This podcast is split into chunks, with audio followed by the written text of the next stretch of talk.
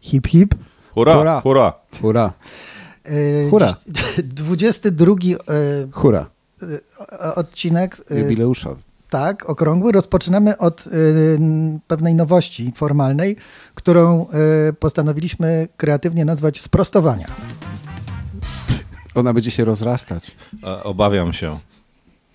Kto zaczyna? No, no, no ty, E, To ja mam. Piotr Majewski, popularny wychowawca młodzieży, Tak, ale człowiek. Poko- pokoleń młodzieży. pokoleń młodzieży. Ale człowiek niezorientowany w e, e, zawiłościach gospodarki rolnej, e, e, w związku z tym w imieniu A jest dzisiaj Marsz Gwiaździsty na Warszawę, więc trzeba o tym powiedzieć. tak. powiedzieć, e, więc e, jeden z naszych słuchaczy i, i nasz... Bo ten marsz ruszył właśnie na nasz podcast z powodu treści, która była tydzień temu.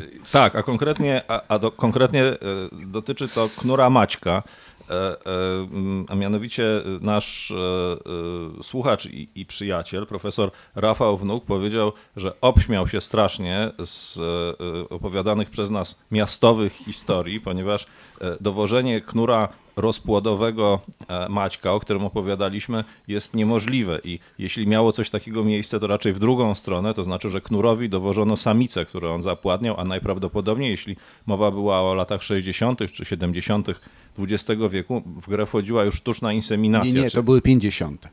Zanim, zanim pokona nas sztuczna inteligencja, żyjemy w epoce sztucznej inseminacji. Tak. e, I niestety Pamiętam już... to, bo oglądałem jak w dzieciństwie był te telewizyjne technikum rolnicze rano. A, no widzisz, czyli ty jesteś na, ty jesteś na bieżąco. A już zapomniałem dużo. A, a druga informacja jest nie tyle, y, mm, nie tyle sprostowaniem, ile uzupełnieniem, a To mianowicie poczekaj, bo dział uzupełnienia. uzupełnienia, tak, mianowicie inny z naszych słuchaczy napisał do nas maila, w którym poinformował nas, że y, zainteresowało go, zainteresował go wątek psich imion i y, mm, przeprowadził kiedyś na własne potrzeby research dotyczący pochodzenia e, psiego imienia Azor. I okazuje się, że e, caryca Katarzyna II miała harcicę Zemirę e, i e, na, na temat tej Zemiry powstawały różne e, utwory, również e, różne rzeźby tej Zemiry.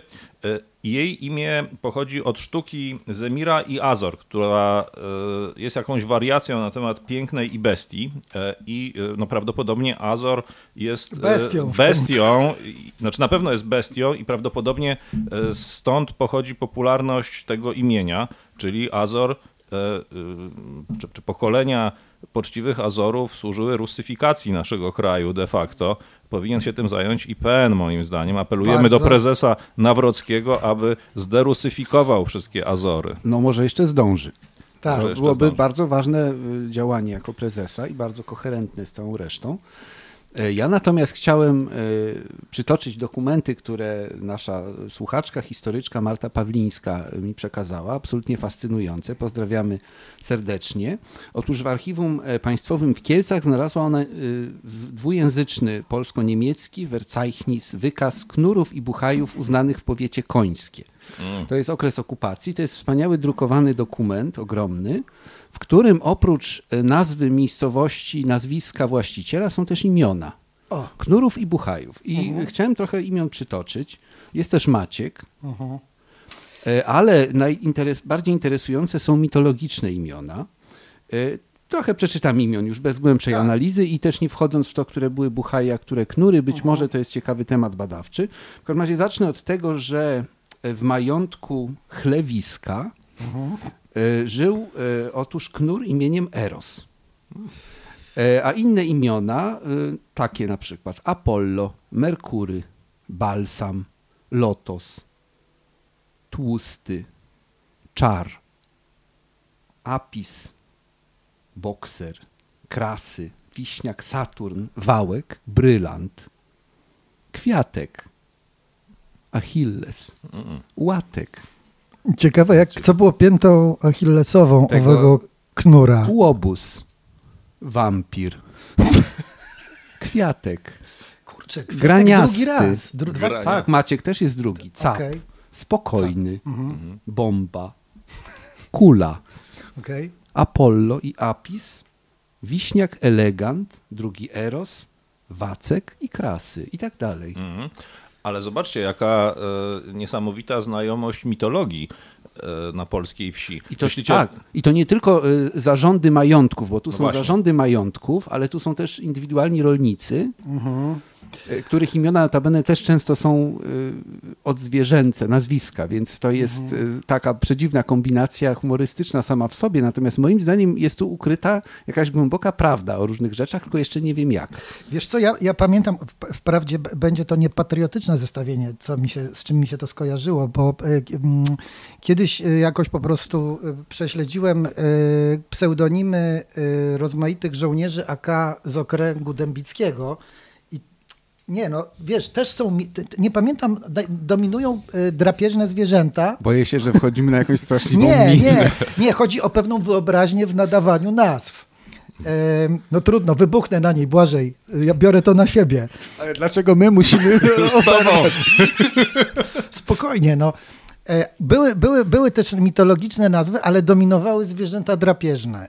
I, i, i wil, i był, pamiętam, że był jeden wilkołak. To, to mnie, to mnie e, z tym wampirem tutaj. e, Mo, może to nie był pseudonim, tylko rzeczywistość. Może tak. Może tak. Mój, dzia, mój dziadek miał pseudonim Sosna. Mój dziadek też miał pseudonim, tylko niestety go w tej chwili nie, nie No, pamiętam. Pamiętasz, ale dużo właśnie od, Mo- drzew, mo- od drzewnych Mój było. dziadek miał pseudonim Palacz, co było słabym pseudonimem, bo palił jak lokomotywa. I był jeden, pamiętam, był jeden żołnierz AK ym, na jednej ze wsi, który miał y, pseudonim hrabia. I zastanawiam się, czy dostał go ironicznie od kolegów. No E, myślę, że Jaka, tak. jaka była w tym, jaka, jaka tu była, y, czy, czy może się właśnie w, w, czymś jakimś dworskim tam w tej partyzantce wykazał, nie wiem. Mo, mo, możliwe są różne interpretacje, ale chyba musimy zamknąć dział sprostowania i przejść do właściwego tematu. Nie, ale prze- przepraszam was, że was pakowałem na taką minę, no ale to trze, trzeba różne rzeczy z różnymi porównywać. Po Tak. prostu. Metoda porównawcza. Ale e, nazewnictwo e, zwierząt i pseudonimy to są na pewno bardzo ciekawe tematy. Polecamy je e, studentom w ramach prac Słuchaczom licencjackich też, tak. albo magisterskich. Tak. No to przechodzimy do odcinka. Który jest bardzo ponury w sumie i nie licuje zupełnie z Ale czy ja mogę- Bo, ponury też pseudonim. Pseudo, doskonały, tak. E, Też może ironicznie nadawany dla kogoś, kto w istocie był wesoły. Kipi Jeże- wesołości. jeżeli pseudonim ma ukryć twoją prawdziwą tożsamość, to jeżeli jesteś wesołkiem i masz pseudonim ponury, to to jest świetne, e, świetny cover. Natomiast jeżeli To zależy, jesteś bo jest pon- to bardzo łatwe do rozpoznania, więc być może Mhm. bardziej e, zawiła strategia każe nazwać naprawdę ponurego osobnika Ponurym? ponurym, bo Mhm. wtedy A nie lepiej ktoś- da, dać mu wtedy pseudonim Sosna, bo to już... No, to jest randomowe. O swoim dziadku. Natomiast tak, albo Lipa. e, to są też, też e, różne e, takie więzienne albo przestępcze różne i to Tak. się mi bank oczywiście przypomina. Tak. Co powiedzieć spiętemu, żeby się rozpiął. Słuchajcie, ale jeśli, bo tu Błażej wspomniał ten marsz, który idzie na nasz podcast właśnie teraz. Marsz. I ja- ja chcę się podzielić, ponieważ e, e, e, b- b- dwa trójkąty się pojawiły w ciągu ostatnich dwóch W odcinków. twoim ży... prze- Przepraszam. No nie, w moim życiu, w moim życiu dominują okręgi. No dobra, nie, nie, nieważne. Nie. To wymaga jakiegoś wyjaśnienia, ale to może w kolejnym odcinku. nie no, wszystko, wszystko się powtarza po prostu, o to mi Okej. chodzi. Spotykamy się tutaj, A, czyli żyjesz w czasie cyklicznym. cykli, spotykamy się co tydzień, Rozumiem. E, Jest nas trzech. Dobra, nie. Chciałem tylko powiedzieć, że w tym marszu, który idzie na nas, idą rolnicy, myśliwi i podobno górnicy jeszcze dołączą do tego. Więc mamy tu właściwie historię antropocenu. Mamy czas zb- zbiera, zbieracze i myśliwi. Tak. Potem mamy rewolucję paleolityczną. Zmierzają Neolityczną. e, e, neolityczną, rolnicy dołączają i rewolucję przemysłową, górnicy. Także idzie Tak. ku nam cała historia. Źle się stanie, jak jeszcze informatycy dołączą z epoki postprzemysłowej. Jest, jest, jest, jest, proszę Państwa, przez Warszawę defiluje dzisiaj historia. Historia człowieka Historia człowieka, tak. 10 tysięcy ludzi, i 10 tysięcy lat, lat historii, historii, człowieka. dokładnie. Dobrze, no to już tak. Już wiemy, co się wydarzyło niedawno, a teraz przechodzimy do ponurego tematu naszej audycji. Max. Nie, ja, to, ja, ja, ja już wolę nic nie powiedzieć, bo znowu coś powiem i będzie... I będzie Przywykliśmy. Natomiast e, Wbiłeś mi teraz stożek po prostu w serce. No i to była jedna z metod skrytobójstwa. Wbijanie, y, tak został zabity Trocki nożem, znaczy takim czekanem, do lodu, takim czekanem Ale w ogóle powiedzieliśmy, że skrytobójstwo jest tematem? No nie, ale to chyba wy- wyniknie w, Z tego, w co praniu. No, tak, skrytobójstwo, zabójstwa polityczne, no mamy niestety powody różne, żeby o tym mówić, bo ta straszna praktyka jest y, ciągle stosowana i wiązana obecnie z jednym krajem w Europie, bardzo wyraźnie, y, z Rosją. I ostatnie lata, no to jest Nawiczok, czyli ten super zabójczy środek, to są e, promieniotwórcze substancje, to są e, no, rozmaite zatrucia, otrucia, których no, już idzie to w no, kilka co najmniej takich bardzo poważnych spraw, łącznie ze śmiercią różnych ludzi. No i ostatnio śmierć Nawalnego, którego próbowano otruć i nie wiadomo, czy zrobiono to nieudolnie, czy po prostu chciano tylko pokazać, że mogą to zrobić.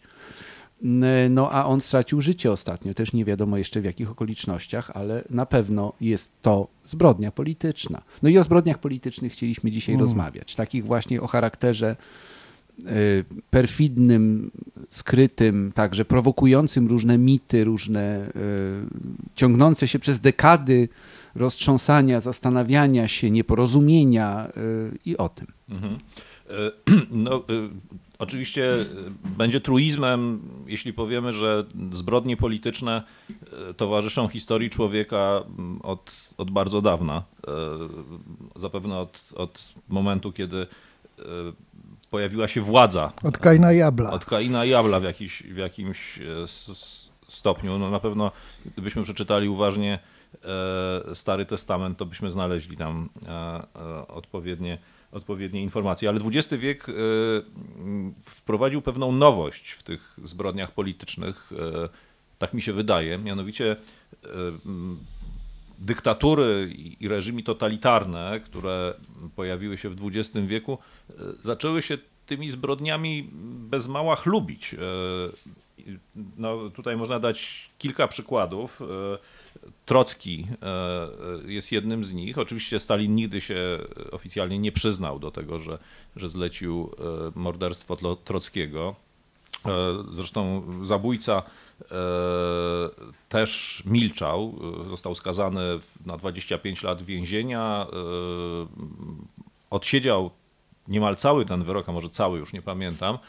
Nigdy nie przyznał się, kto zlecił wykonanie wyroku na Trockim. E, Dzięki temu przeżył i dzięki temu przeżyli jego bliscy, bo też tak działają państwa e, totalitarne. No i e, również nazistowska Rzesza się posługiwała takimi działaniami. Ja tutaj ograniczę się do jednego przypadku, pomijam Noc Długich Noży, która jest oddzielnym rozdziałem w historii morderstw politycznych, ale nazistowskiej Rzeszy zdarzało się ogłaszać w ogóle nagrody za ludzi, którzy uciekli z, z Niemiec i którzy prowadzili e, krytykę systemu nazistowskiego. Tak stało się na przykład z Teodorem Lessingiem, takim e, żydowskim e, filozofem, intelektualistą, syjonistą, który e, wyemigrował po przejęciu władzy przez e, Hitlera do Czechosłowacji. Czechosłowacja udzielała niemieckim demokratom, opozycjonistom azylu i e, wyznaczono za jego głowę nagrodę w wysokości 80 tysięcy marek.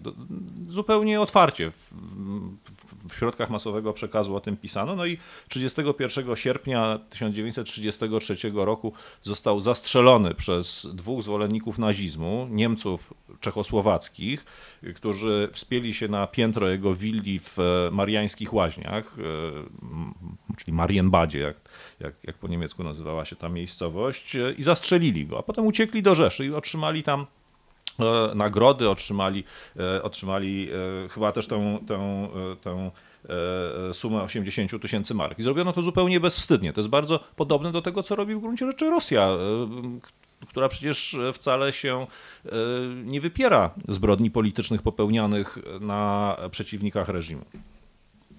Ja chciałem pociągnąć sprawę Trockiego, ponieważ Ramon Mercader, który go zabił, y, człowiek zresztą o bardzo skomplikowana, właściwie większość agentów tego typu ma bardzo skomplikowane tożsamości, a właściwie trudno powiedzieć, jaka jest ich tożsamość naprawdę, ponieważ ta sprawa jest, nie wiem, czy może i dla nich samych już niejasna. To są ludzie, którzy żyją pod różnymi przybieranymi tożsamościami, często przez lata pod przybranymi nazwiskami, udają innych ludzi niż są nawiązują relacje i romanse, które są tylko elementem gry operacyjnej, więc trudno też powiedzieć, jaki jest świat emocjonalny tych ludzi. No to mhm. jest zresztą temat bardzo fascynujący i eksploatowany przez kino albo przez powieść. Jest, są całe te wielkie nurty powieści mm, szpiegowsko-awanturniczych.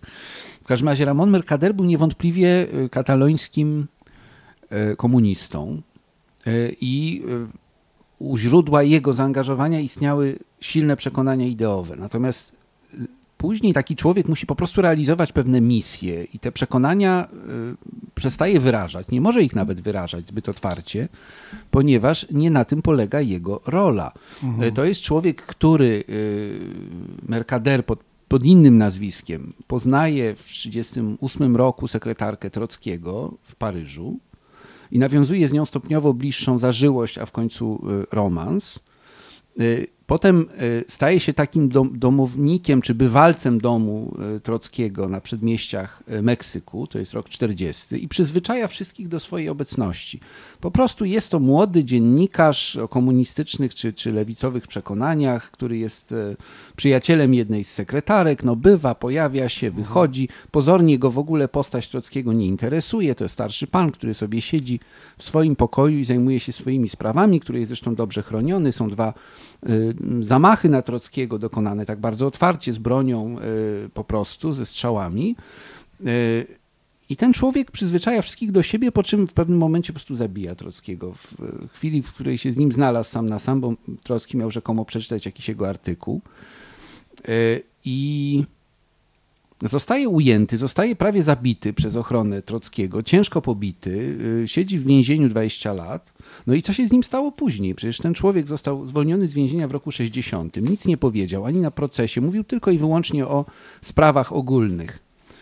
E, natomiast nic o żadnego śladu nie dał, żadnej nitki nie, nie podał, które by ułatwiły rozwiązanie zagadki. No ale po, w 60 roku wyjeżdża na Kubę. Mhm. Która, mieszka, udziela, która udziela azylu. Tak, mieszka między Kubą, Związkiem Radzieckim a Czechosłowacją. E, podróżuje między tymi krajami. E, dostaje wysokie odznaczenie sowieckie, więc sprawa wydaje się jasna. Umiera na Kubie w latach 70. E, I ta sprawa no, jest zarazem jasna, że pochowany jest w Moskwie.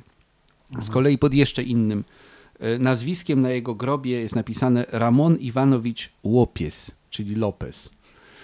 I to jest, zdaje się, jego czwarte nazwisko, które ja znam. I mhm ten człowiek bardzo niewiele powiedział, natomiast no, zrobił rzecz, która była oczywista, ewidentna. No, Trocki. Trocki jest człowiekiem, któremu śmierć się należy, nie dlatego, że jest nawet niebezpieczny dla systemu sowieckiego. Mieszka w Meksyku, no, publikuje teksty. Oczywiście e, system bolszewicki jest systemem księgi. Uh -huh. E, to jest księga, począwszy od manifestu komunistycznego, aż później przez narastające prace klasyków, wszyscy mieli e, brody, jeden miał wąsy e, marksizmu, leninizmu, począwszy od Marksa i Engelsa, skończywszy na Stalinie, który potem wypada z tego Melsa, przestaje być ważny, ale to jest księga. I Trocki dokonał straszliwej schizmy, straszliwego zniszczenia, publikując własną księgę Zdradzona mhm. rewolucja, mhm. w której analizuje z punktu widzenia bolszewickiego, marksistowskiego, e, analizuje system stalinowski i dopuścił się zbrodni, ponieważ wyprodukował paralelny, negatywny dokument. E, I e, śmierć jest karą. Nawet nie zapobiega czemuś, co jeszcze zrobi Trocki. No bo cóż jeszcze mógłby zrobić? Powtarzałby to samo, co już powiedział.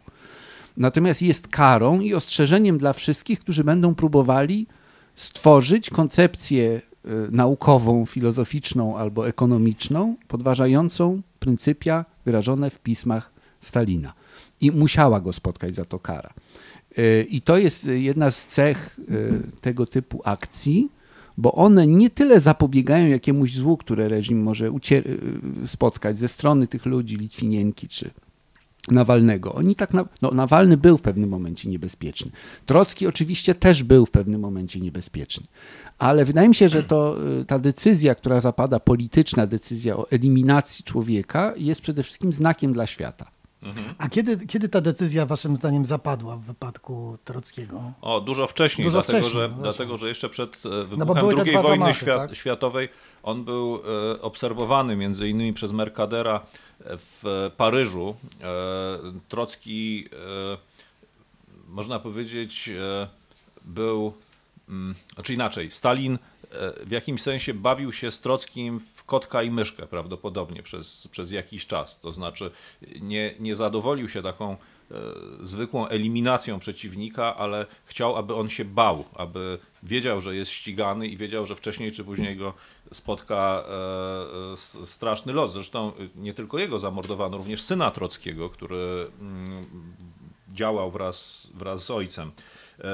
To jest bardzo ciekawie opisane w powieści e, historycznej, ale bardzo e, moim zdaniem m, realistycznie oddającej e, ówczesne wydarzenia pod tytułem Człowiek, który kochał psy. Jej autorem jest kubański pisarz Leonardo Padura.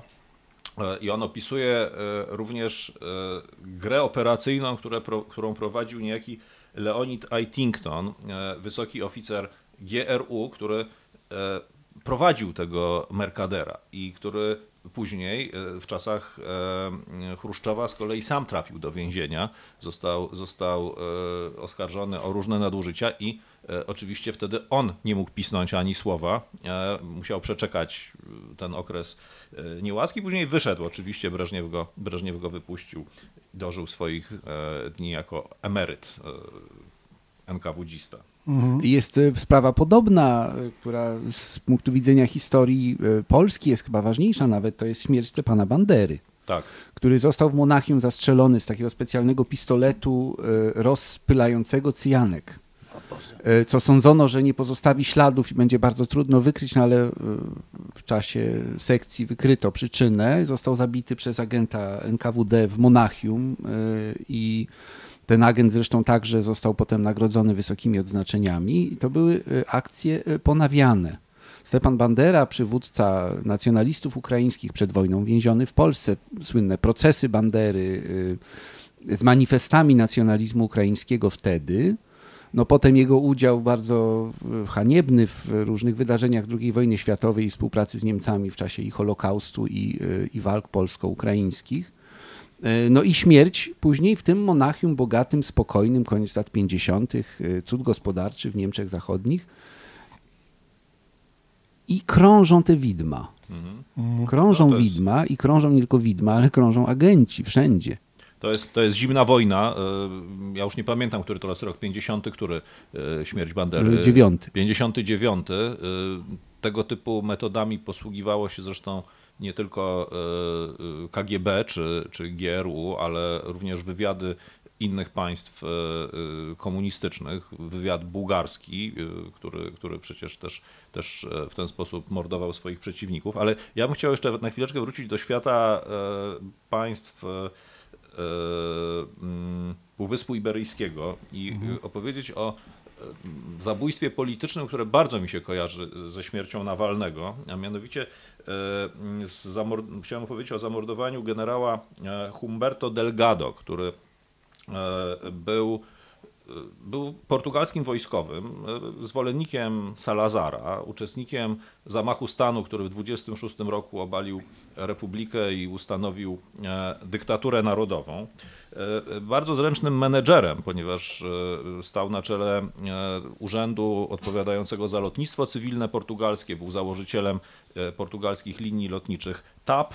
E, e, Później był, został e, atasze wojskowym w Waszyngtonie i przedstawicielem Portugalii przy NATO i tam, można powiedzieć, załapał bakcyla demokracji. Mm, mm, W związku z tym w 1958 roku zdecydował się wystartować w wyborach prezydenckich, które podobnie jak obecne wybory w Rosji były całkowitą ustawką, to znaczy miały być pewnym rytuałem, który pozwoli tylko zwolennikowi reżimu objąć e, to stanowisko e, no, przy, przy, przy e, odegraniu pewnej, pewnej wyborczej farsy. No i w związku z tym on został, mm, on przegrał te wybory, wybory, wybory były fałszowane i zrozumiał, że ziemia pali mu się pod nogami, udał się na emigrację od 58 do 1965 roku przebywał na emigracji, po czym zdecydował się, zwabiony przez agentów tajnej policji portugalskiej, PIDE,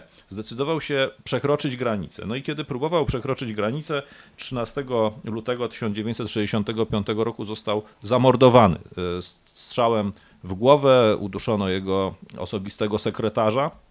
E, stało się to na, na wypowiedziany bądź tylko e, pomyślany y, rozkaz Salazara, bo dyktatorzy często nie muszą wcale y, mówić swoim podwładnym, że koniecznie trzeba kogoś zlikwidować. Wystarczy jakiś gest y, albo jakaś wypowiedziana przy, przy, przy jakiejś innej okazji ogólna uwaga.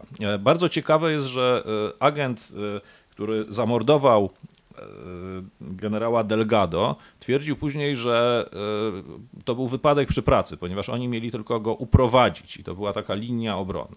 Sam Salazar, kiedy mu powiedziano, że, że e, no, wyrok został wykonany, tylko wzruszył ramionami, powiedział, co za nudziarz o, o tym zamordowanym, zamordowanym przeciwniku. I to pokazuje jeszcze jedną rzecz bardzo ciekawą, ponieważ u nas Zwłaszcza, zwłaszcza myślę tutaj o, o, o Polsce. Portugalia Salazara bywa często traktowana ulgowo, jako taki reżim łagodny w gruncie rzeczy. Przede wszystkim bardzo konserwatywny i tyle. Bardzo konserwatywny, co z punktu widzenia wielu komentatorów jest zaletą, Oczywiście. a Salazar, profesor ekonomii, bardzo porządny człowiek, powstrzymał komunizm, zlikwidował inflację i w ogóle się nie bierze pod uwagę tego, że ten reżim po pierwsze bardzo długo trwał. To jest e, reżim, który był rówieśnikiem polskich, Musoli, no, no, ale no, Piłsudczyków, tak, tak? tak, No i teraz sobie wyobraźmy, że Piłsudczycy nie Rządzą kończą... do 75 roku, roku, prawda? E, więc e, to, i, i, im, im dłużej rządzą, tym bardziej stają się radykalni, tym mniej liczą się z opinią publiczną, z czymkolwiek, prawda? Ostatecznie zaczynają mordować samych siebie, no bo przecież śmierć Delgado była w, była w gruncie rzeczy jakimś tak samo zresztą jak z Trockim, porachunkiem, porachunkiem wewnętrznym, walką mhm. pomiędzy ludźmi reżimu mniej bądź bardziej e, konserwatywnymi. No to ja, ja też y, bym chciał opowiedzieć historię o porachunkach, ale może zacznę tak. Jest wiosna, wiosenny, wiosenny poranek w Bredzie. Mężczyzna siedzący przy stole skrobie właśnie list w liście owym pisze, że wybacza wszystkim wszystkie winy, e, ale że mm, o wszystkim zadecyduje przyszły parlament. Ten ktoś to Karol II. Dobra, przepraszam. Chciałem wprowadzić element napięcia. Twój ulubieniec. Mój ulubieniec Karol II, czyli syn Karola I, ściętego podczas rewolucji angielskiej em, króla, e, który e, błąka się po rozmaitych dworach przez kilkanaście lat jak wiadomo, e, po śmierci Cromwella, reżim cromwellowski, protektorat się zaczyna sypać. No i e, rozmaici dawni towarzysze, e, bliżsi lub dalsi Cromwella zastanawiają się, co dalej. No i zapada decyzja, w sensie, trudno powiedzieć, że klimat zaczyna sprzyjać koncepcji powrotu Stuartów na tron. I Karol Stuart pisze tak zwaną deklarację z Bredy 1660 roku, w którym właśnie no, pisze, że w gruncie rzeczy gruba kreska, yy, patrzymy w przyszłość, zostaną wszystkie zachowane prawa, ale ja, ja to mówię jako król, natomiast przyszły parlament zajmie się szczegółami. Przyszły parlament yy, to jest parlament złożony głównie z royalistów i przyszły parlament bierze się szybko do rzeczy. Karol wraca, E, zostaje stworzona lista tak zwanych królobójców. E, czyli Karol wybacza wszystkim poza królobójcami. Królobójcy to są ci, którzy podpisali, którzy podpisali na Karola I wyrok śmierci. E, sam Cromwell, który podpisał, główny sędzia Bradshaw, zięć Cromwella i Reton już nie żyją, więc ich ciała są wyciągnięte po prostu z grobów i poddane mm, pośmiertnym torturom, w czym się lubowały e, e, e, epoki, które sprawiedliwość traktowały dosyć, powiedziałbym, do, do, dosłownie. ciało, zresztą głowa, głowa Cromwella zatknięta na pice na, pod, para, pod, parlamentem, później jakoś ginie. I też ma, fascynująca jest historia głowy Cromwella, która gdzieś krążyła, kto się znajdował. No, mniejsza z tym, ja chcę opowiedzieć historię inną, bo kiedy mm, kiedy zostaje y, y, y, powieszonych, poćwiartowanych i spalonych 13 chyba królo, tak zwanych królobójców, Karolowi to nie wystarcza. Jego mm, siostra, która jest żoną króla Francji, z którym Karol podpisuje bardzo, jakby tak, jakby jest, jest przyjaźń między, między nimi i, i wzajemne uznanie. Henrietta zaczyna na własną rękę organizować, e, no, jakoś tam pod auspicjami swojego brata, mm, polowanie na królobójców, którzy ukrywają się w Europie. E, I zanim opowiem szybko historię, którą chcę tu opowiedzieć, to opowiem inną historię, która też jest moim zdaniem ciekawa, z pewnym linkiem do współczesności. Jak wiadomo, y, y, angielski premier y, mieszka na ulicy i pracuje na ulicy Downing Street. Ów Downing, który, mm, który, który dał ulicy nazwę, no to jest to wyjątkowo, wyjątkowo obrzydliwa postać, można powiedzieć, pod każdym względem. To był człowiek posłuszny protektoratowi cromwellowskiemu, był na jego usługach. I to jest człowiek, który wy, wykonał szybki zwrot, kiedy sytuacja się zmieniła i wyłapał trzech y, z tej grupy królobójców, y, w tym człowieka, który jakby go przygarnął w czasach protektoratu i dał mu pracę, niejakiego pułkownika O'Keya okej okay, się nazywał pułkownik, ale jego los był, można powiedzieć, not okej. Okay. Że pozwolę sobie na taki straszny żart, ale kilkaset lat, które nas dzieli od tamtych czasów, po, po, pozwala na taki rodzaj, że tak, czy nie wiem, czy pozwala, znaczy ja czuję, że mi to trochę pozwala. Natomiast czas, czas leczy rany. Czas leczy, czas leczy rany. Więc Downing za swoje zasługi e, no, dorobił się w ogóle fortuny. No, to jest taka historia o, o skurczybyku, który nie został jakby ukarany, zdążył zmienić barwy klubowe i, i, i, i przeżył to wszystko. Natomiast e, więc jakby e, ci ludzie, którzy są w, w, w Holandii, wiedzą, że tutaj nie jest bezpiecznie, więc duża grupa ucieka do Szwajcarii. I oni y, y, trafiają do miejscowości Wewej, to jest nad jeziorem y, genewskim. Miejscowość ta jest też miejscem ostatnich lat życia Charlie'ego Chaplina. Taki tutaj powiedziałbym przezabawny link. Taki czaplinowski akcent. Czaplinowski akcent.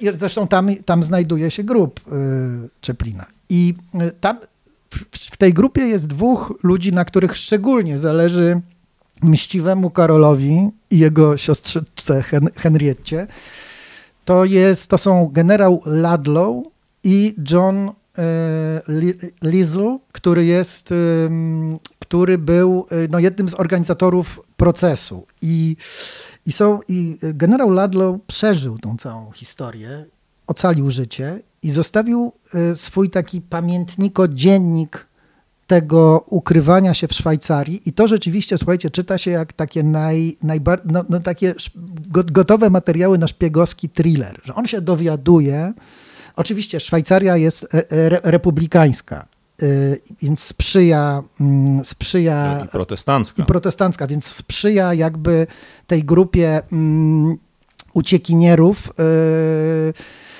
i znaczy no, te, te, ten kanton, tak? I, i Ludlow pisze, że dostaje od pana Dubois nagle powiadomienie, że przypłynęło łodzią ze strony sabałckiej, czyli fran francuskiej e, katolickiej, przypłynęło paru jakichś typków. I mieszkańcy Vevey zaczynają tworzyć taki rodzaj ko kordonu, jak, jak, jak pomóc angielski, swoim angielskim gościom. Na przykład prowadzą ich do kościoła inną drogą niż zwykle, ale ogólnie jest groza, że ktoś na nich poluje. E, I, i Ladlow, przytomny, zimno myślący generał sobie myśli, dobrze, tu jestem, chyba ucieczka nie ma sensu, zwłaszcza, że on już uciekał wielokrotnie, zmieniał miejsca mm, zamieszkania, ale tutaj mam jakby swoich ludzi, mm, ludzie są, że tak powiem, nam przyjaźni, nie ma sensu. Natomiast Lizzle panikuje i ucieka do Genewy. Nie, przepraszam, nie do Genewy, tylko do Lozanny. I tam przed kościołem zostaje zaatakowany przez dwóch zamachowców, których jeden krzyknął e, e, Vive le roi Charles. Nie wiem dlaczego po francusku to krzyknął, gdyż był to Irlandczyk, pan Fitzgerald. Poliglota. Który, który z drugim panem, e, e, właściwie nie wiem jak, jak to przeczytać, to jest też ciekawe. Obaj mordercy są Irlandczykami. E, Riordan, kapitan Riordan, którzy są ludźmi, którzy bezpośrednio raportują królowi. E, więc pan Fitzgerald chyba później w ogóle robi wielką karierę w administracji. Nie, nie znam losów pana Riordana. Natomiast wiecie, ta historia o tym, że e, e, o tym niepokoju, to, to jest 64 rok, czyli to jest 15 lat po królobójstwie, 4 lata po powrocie króla kiedy mogłoby się zdawać, że ten, ta rządza odwetu już wygasła u Karola, ale nie. Karol ściga dalej i żeby skończyć tą historię, no to Piotrek jest jedynym z nas, który w końcu przeczytał y, powieść y, popularnego pisarza historycznego Roberta Harrisa, który wydał w zeszłym roku y, książkę o poszukiwaniach dwóch generałów, Walleya i nie wiem właściwie jak wymówić to nazwisko, Gif, G, G, nie wiem, Geoff się na, na, nazywał, zięcia i teścia, którzy uciekli do Ameryki i nie zostali znalezieni nigdy. Historia jakby się e, za nimi, znaczy udało im się jakoś tam ukryć, no ale wiadomo, że też y, sprawiedliwość, y, sprawiedliwość y, Stewartowska szukała ich po całym świecie. Więc w tym sensie w ogóle działania, moim zdaniem, to jest pierwszy taki przypadek, no może, no przynajmniej w nowożytnej historii, jaki mi przychodzi do głowy, gdzie wywiad i rodzaj e, no jakby takiego państwowego terroru, mm, jakby patrząc od strony ofiar, natomiast patrząc ze strony państwa, no takiej sprawiedliwości działającej bez względu na okoliczności, przypominające trochę działania Mossadu, który tak. ścigał, ścigał przecież y, uczestników zamachów y, na, na, podczas olimpiady w Monachium i ścigał ich właściwie do końca, aż do, do, dopadł ostatniego, więc podo, podo, podobny mindset, żeby użyć języka używanego przez Karola II, miał ów Karol II. No tak, no bo to, to, to ma poza wymiarem zemsty osobistej, e, której pragnął Karol II, również taką formę, e, czy taką funkcję dydaktyczną, to, to znaczy pokażemy, e, przywrócimy przede wszystkim ten stary porządek, to znaczy, że król jest osobą świętą, nie można na niego podnieść ręki, to jest największa zbrodnia, jakiej się może dopuścić człowiek i w związku z tym e, no, wszyscy, którzy by tego chcieli dokonać, muszą wiedzieć, że będą ścigani do końca swoich dni i, i wszędzie.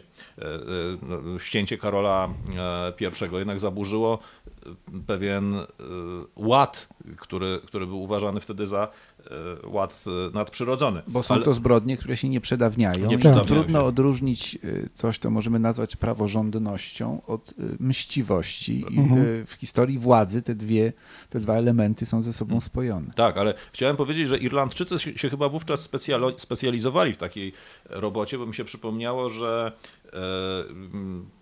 30 mniej więcej lat wcześniej, przed wydarzeniami, e, o których opowiadałeś, irlandzki najemnik zamordował na rozkaz e, cesarza e, Albrechta Wallensteina, czy też Waldsteina, jak nazywają go Czesi. To był czeski szlachcic, który służył cesarzowi, który wygrywał dla niego kolejne kampanie wojny trzydziestoletniej był niezwykle bezwzględny, zarówno jeśli chodzi o sposób prowadzenia wojny, no to on wymyślił i można powiedzieć doprowadził do perfekcji system utrzymywania e, wojsk kosztem terenów, na których mhm. one stacjonowały, co, co, co prowadziło do no, wielkiej katastrofy. E, ale jednocześnie e, był e, niezwykle sprawny, jeśli chodzi o pomnażanie własnego majątku. Stworzył dzięki, dzięki łasce cesarskiej, ale też dzięki temu, że niezwykle bezwzględnie rabował majątki swoich przeciwników politycznych, przywłaszczał je sobie, zwłaszcza tych, których, których mm, skazano za udział w tej rebelii antycesarskiej na wygnanie. On te majątki przejmował i stworzył wielkie księstwo w północno-wschodnich Czechach z, z, ze stolicą we Frydlancie. Tam do tej pory jest, jest zamek tego, e, znaczy jest zamek, który jest e, no, stolicą tego, e, tego, tego regionu. No ale w pewnym momencie Wallenstein urósł tak w siłę, że zaczął za plecami cesarskimi kontaktować się z protestantami mhm. i myśleć o koronie czeskiej. W pewnym momencie doszło do takiego zwrotu bardzo dramatycznego, w którym on no niejako postawił na szali swój autorytet, kazał pułkownikom decydować, czy oni są po stronie cesarskiej, czy są po jego stronie. To wyglądało zupełnie jak scena, znana scena z potopu, kiedy mm, poszczególni pułkownicy rzucają pod nogi e, Janusza Radziwiła buławy. E, no tyle tylko, że e, mm, Wallenstein wyszedł z tej próby sił osłabiony. No i niedługo potem, 25 lutego 1634 roku, kiedy nocował w zachodnioczeskim miasteczku Heb, dawniej się nazywało Eger, do jego komnaty wpadli, wpadła grupa zabójców na czele z irlandzkim najemnikiem, wydaje mi się, że się O'Reilly nazywał, e, no i nadziała go na taką wielką pikę i wyrzuciła przez okno. I tak się skończyło. Defenest, kolejna defenestracja kolejna defenestracja. W historii Czech. Tak, ale, ale, ale no w ten mhm. sposób się skończyły właśnie skrytobójstwem e, no, marzenia o e, wyrośnięciu ponad władzę cesarską. No dobra, ale oni byli, rozumiem, działali, no, co, uciekli, potem zostali rozsiekani, jaka tam była e, historia? Nie, oni chyba się, oni chyba uciekli bez problemu, zostali, bo, bo ci, zostali ci dwaj, którzy, Ci dwaj, którzy zabili pa, pana Lizzle, no po prostu wskoczyli na konie i szybciutko się oddalili, no, e, ale tak, no to są, to są ciekawe, rzeczywiście powieściowo-filmowe historie, trochę jak z gier komputerowych, wiesz, Assassin's Creed czy coś takiego. Zresztą no, asasyni. No. no i Wallenstein stał się bohaterem e, przecież e, sztuki e, Schillera, prawda? To jest klasyka niemieckiego romantyzmu, więc, więc już, już wtedy dostrzeżono potencjał drzemiący w tej historii. Ale to, o czym mówicie teraz, to są takie walki o władzę, prawda? To są walki o władzę, to są zresztą historie bardzo typowe dla rodów dynastycznych. Piastowie mazowieccy sami też mają takich historii dużo, różnych skrytobójczo, Ganiają się po jakichś łaźniach. pościgowych, tak, sobie odbierają życie albo wzrok, albo są jakieś historie otruć i tak dalej. Y, to są wszystko sprawy walki o władzę i Y, władzę konkretną. Trocki też walczył o władzę do pewnego momentu. Później też zresztą już jako wielki emigrant walczył o władzę, zakładał międzynarodówki i tak dalej. Próbował stworzyć y, ruch międzynarodowy, no i to też była jedna z przyczyn jego, tej decyzji o jego zabiciu. Natomiast y, Georgi Markow nie walczył o władzę. To był człowiek, który był bułgarskim pisarzem, pisarzem, komentatorem, który wyjechał z Bułgarii w latach 60. i on opowiadał o e, polityce, o Bułgarii i o e, dyktaturze na falach radiowych. I to, czy to była walka o władzę? No w XX wieku e, media są władzą, jak wiadomo, i z tego powodu, że się coś mówi, to można oberwać. No i ze sprawą Markowa, jego śmierci się wiąże historia tak zwanego bułgarskiego parasola. Mhm to była technologia y, zabójcza y, sowiecka, prawdopodobnie z laboratoriów KGB, w których od właściwie początku Rosji bolszewickiej są prowadzone różne eksperymenty, badania laboratoryjne nad truciznami. Chodzi o to, żeby trucizny były jak najbardziej podstępne, trudne do wykrycia, jak najprostsze jednocześnie. No i tu użyto rycyny. E, wszyscy, którzy używają oleju rycynowego, są bardzo blisko rycyny, bo to jest to samo źródło, to jest rącznik pospolity, taka roślina o krwisto-czerwonych kwiatach, bardzo piękna, e, z której można wydestylować dwie rzeczy. Albo olej, który pomaga na paznokcie, włosy i tak dalej, i jest używany w kosmetyce, w leczeniu, w wielu domach, w różnych postaciach on jest, albo rycynę. No rycyna to jest śmiertelnie groźna trucizna i wystarczyła kuleczka wielkości łebka od szpilki, którą wstrzyknięto Markowowi na ulicy Londynu przy pomocy parasola w nogę. Niby przypadkowy jakiś incydent na przystanku, ktoś się potknął, wbił parasol w nogę, e, bardzo przepraszał. No a po czterech dniach Markow był już martwy, ponieważ w tej kuleczce była rycyna.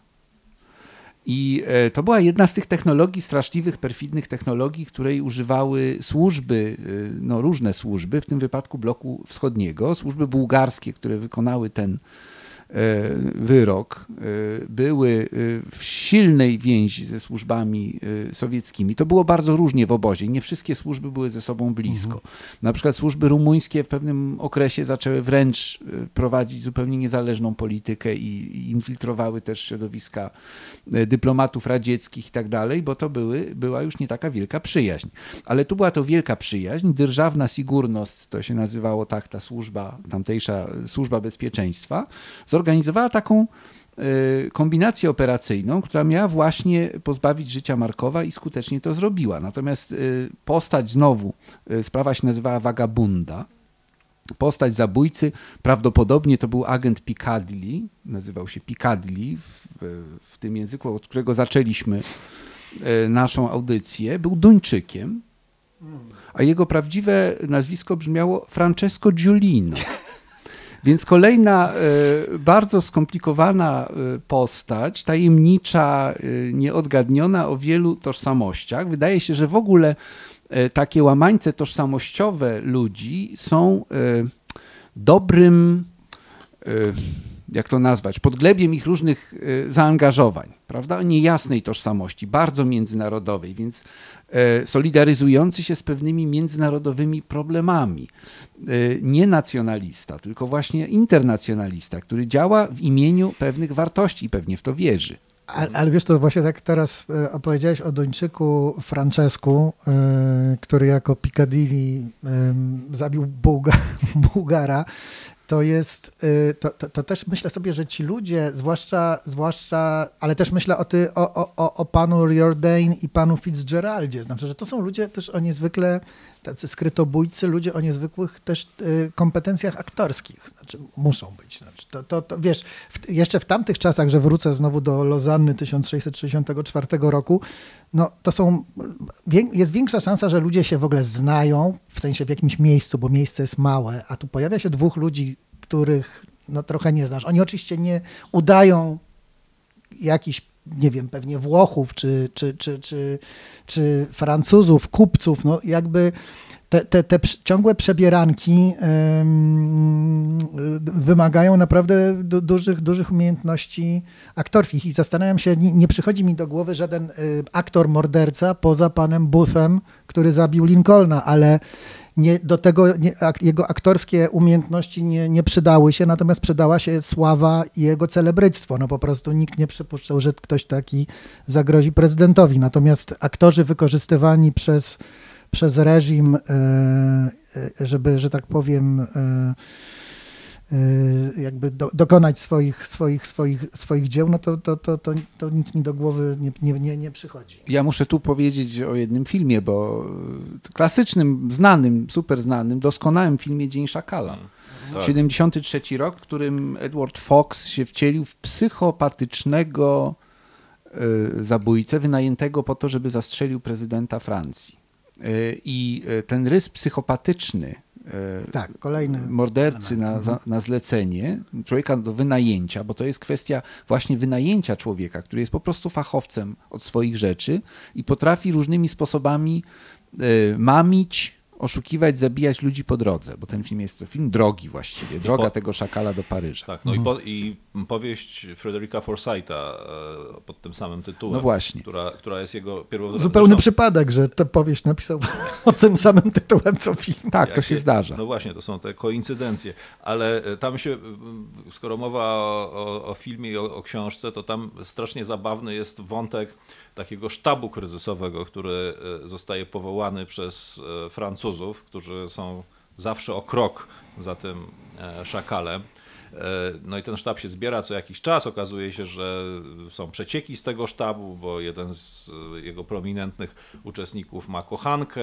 Ta kochanka przekazuje mm, francuskiej OAS, czyli organizacji tajnej armii informacji o ich działaniach, to są przeciwnicy De Gaulle'a, którzy chcą, go, którzy chcą go zamordować. Ale jedną z ważnych postaci tego sztabu jest Maurice Papon, e, prefekt e, e, paryskiej policji, czyli najważniejszy policjant we Francji, w którego rękach zbiegają się te wszystkie nici. No i on niezwykle kompetentnie działa, to, to nie on wynosi te tajemnice do, do buduaru swojej kochanki. On bardzo pomaga, jeśli dobrze pamiętam, tę powieść wpaść na trop szakala, no i wszystko jest fajnie, poza tym, że y, jest to y, człowiek, który odpowiadał w czasie pierwsze parę lat wcześniej odpowiadał za masakrę kilkuset algierskich demonstrantów, których policja francuska dosłownie zmasakrowała i wrzuciła do sekwany, a w czasie II wojny światowej jako podprefekt e, Bordeaux odpowiadał za deportację tamtejszych Żydów do obozów zagłady. Więc to jest człowiek, e, no właśnie tak jak mówiłeś o tym, o tym bogata Angliku. Biografia. Boga, mhm. bogata biografia, ale człowiek użyteczny. To są ludzie, tak. którzy są w każdych warunkach e, potrzebni władzy są sprawnymi menedżerami, są odpowiednio bezwzględni, nie zadają niepotrzebnych pytań e, i robią to, co do nich są należy. skuteczni. Mhm. Tak, e, i tutaj właśnie takie rysy, typ, różne po, po, postaci, właśnie ten Edward Fox mi się przypomniał, bo on jako aktor moim zdaniem fantastycznie pokazuje taką osobowość, właśnie osobowość głęboko zaburzoną, jednocześnie bardzo skuteczną. To, to my wiemy, że ludzie bardzo zaburzeni często mają bardzo duże kompetencje w dziedzinie władzy, zarządzania i tak dalej, no to, to wiemy z wielu źródeł. Natomiast można używać, używać, wykorzystywać albo ideowców, mhm. Y, albo zimnych y, fachowców, o rysach psychopatycznych, albo po prostu zwykłych y, kryminalistów. I tak, y, żeby przejść na y, grunt bardziej rodzimy, no to te ponure sprawy kagiebowsko-bułgarskie i tak dalej. Otóż słoneczny, optymistyczny reżim gierkowski w swoim jądrze miał no, straszliwą organizację, jaką była Służba Bezpieczeństwa która y, prowadziła podobne działania. Słynna afera Żelazo, y, to jest postać generała Milewskiego, który tam jest jedną z tych no, najbardziej mrocznych osobowości.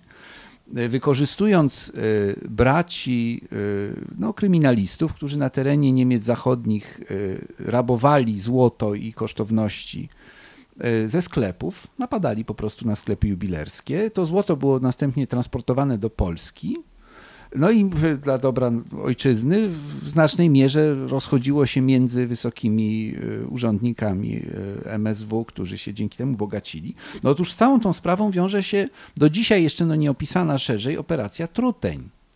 Operacja Truteń to była akcja zmierzająca do pozbawienia życia Adama Michnika, gdy on przebywał w Niemczech Zachodnich w 76 i 7 roku.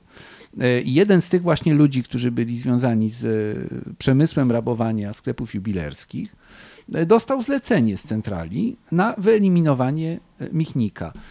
Były, były dwie takie kombinacje. Pierwsza to było to, żeby go pozbawić dokumentów paszportu, żeby nie mógł wrócić ale okazało się, że to byłoby bardzo trudne prawnie. No, reżim gierkowski jednak no, przestrzega pewnych zasad, bo jest już zadłużony na potęgę.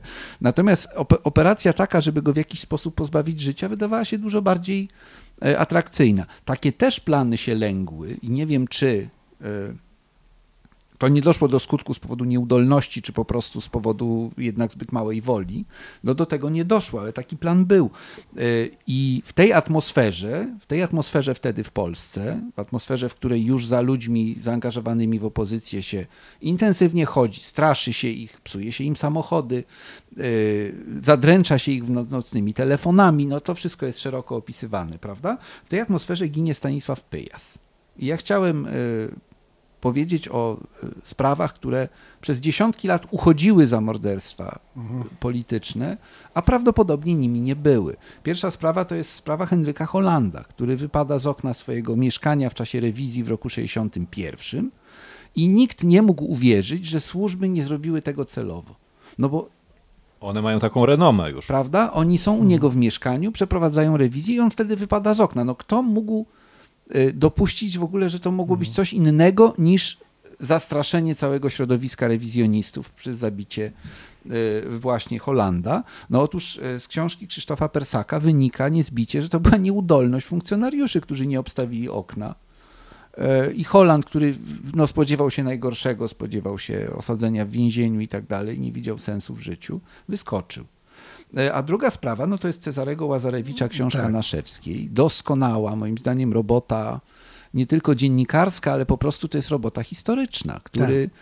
pokazuje, świetnie łącząc ze sobą różne przestrzenie czasowe, bo i rok 77 i lata późniejsze, czyli śledztwa wznawiane i dziś i pokazuje, no dla mnie z tej książki wynika, że sprawa Pyjasa to był po prostu, to było nieszczęśliwe zdarzenie, które nie było robotą. Nieszczęśliwe zdarzenie, organów. że w gruncie rzeczy yy, tak, że dochodzi do tego, że, że cała ta konstrukcja jest zbudowana na tym, co zobaczył Bronisław Wilstein. Jest zbudowana na yy, na silnym przekonaniu i słusznym przekonaniu wówczas ludzi, którzy w tym Krakowie i nie tylko y, angażują się w różne działania opozycyjne, że władza zdolna jest do wszystkiego. To jest tak. po...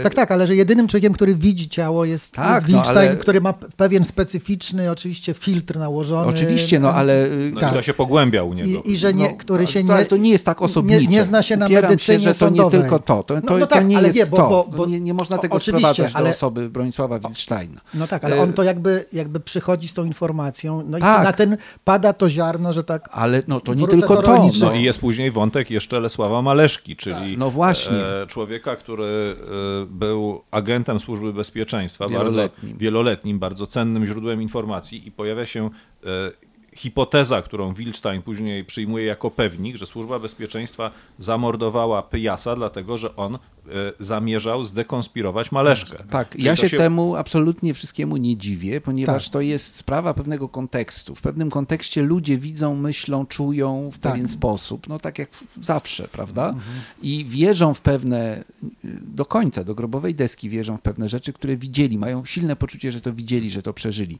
Dyskutowanie mhm. z kimś na temat tego, co przeżył, jest rzeczą daremną. Tak. E, I oczywiście historycy mają różne metody, e, historia mówiona i tak dalej, tego, konfrontowania też źródeł różnych, prawda? Y, I moim zdaniem Łazarewicz to doskonale zrobił. Szapoba.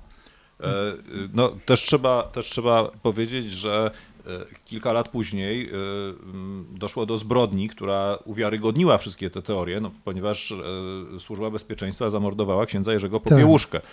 I no, po pierwsze to, była, to była takie no, klasyczne skrytobójstwo, e, a po drugie e, przeprowadzone na tyle nieudolnie, że reżim musiał się e, jakoś do tego ustosunkować, musiał zorganizować proces. Ten proces nie był do końca, no nie wiem, uczciwy czy, czy, czy praworządny, ale jednak doprowadził do ujawnienia metod, którymi się posługiwała Służba Bezpieczeństwa.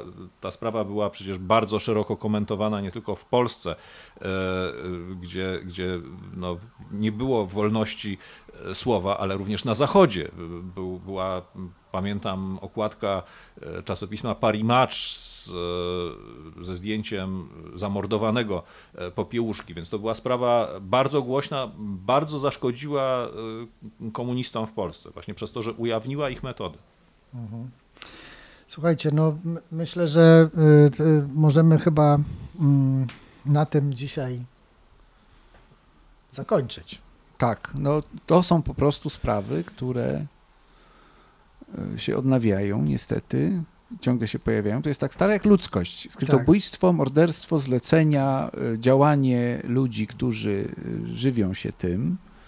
E, jest to absolutnie uniwersalne zjawisko i e, na każdym gruncie można, e, na chińskim, na azjatyckim, z całą wielką historią, którą można by opowiadać, trucizn, walk, rywalizacji, tajemnicy, skrytości, zacierania śladów. To jest, no, Maleszka sam miał, miał jak wiadomo, żeby no, zrobić klamrę z początkiem naszego podcastu nazywał sam siebie Ketmanem i tak funkcjonował w relacjach z, ze swoimi opiekunami ze służby bezpieczeństwa. Ketman. Ketman to jest figura z zniewolonego umysłu Miłosza. Jednocześnie no, to jest pewna metoda życia w satrapii mhm. bliskowschodniej, nowożytnej, E, która polega na zewnętrznym przystosowaniu się i akceptowaniu i wewnętrznej niezgodzie. Hmm. No ja bym jeszcze tylko dodał, że e, o, o ile oczywiście pewnie w każdym systemie politycznym i społecznym zdarzają się skrytobójstwa i to jest jakoś pewnie wpisane w, w taką kondycję człowieka, nie najlepszą. O tyle jednak jeśli nie ma demokracji, to e, do tych skrytobójstw może dochodzić w sposób taki systemowy i to widzimy w Rosji, dlatego że nikt nie kontroluje dyktatora. Dyktator e, żyje w przekonaniu o swojej bezkarności, a poza tym ma sztab ludzi, Ma którzy... aparat. Ma aparat, no, po, który... Poza tym Rosja ma tą tradycję ciągnącą się y, przy- do czasów przedrewolucyjnych, Oczywiście. wykańczania e, w ten sposób swoich wrogów. Jak niektórzy twierdzą, do czasów tatarskich jeszcze, mm, co nie jest optymistyczne. Bardzo trudno coś powiedzieć optymistycznego. Optymistycznego, no nie no, idzie wiosna. Ale nie musimy, tak. No Tak, poza tym, po idzie- pierwsze nie idzie. musimy, jesteśmy historykami. Oczywiście. Historia uczy pe- głębokiego pesymizmu.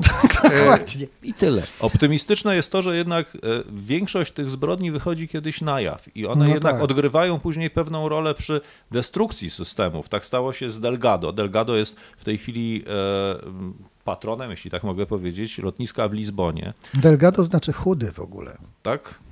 Nie wiem, czy to coś wnosi Wnosi. do naszej rozmowy. Dziękujemy Ci. Dziękujemy za tą informację. Tak samo stało się z Matteotim, ofiarą Mussoliniego, prawda, czy reżimu Mussoliniego i z wieloma innymi ofiarami e, dyktatorów. Czyli można powiedzieć tak na połowę optymistycznie, że ich e, śmierć nie była taka zupełnie daremna. Mm. Za tydzień 23 y, hip. Hip, hip. hu- Hura. Hura. I do usłyszenia. Dziękujemy bardzo. Do usłyszenia, dziękujemy.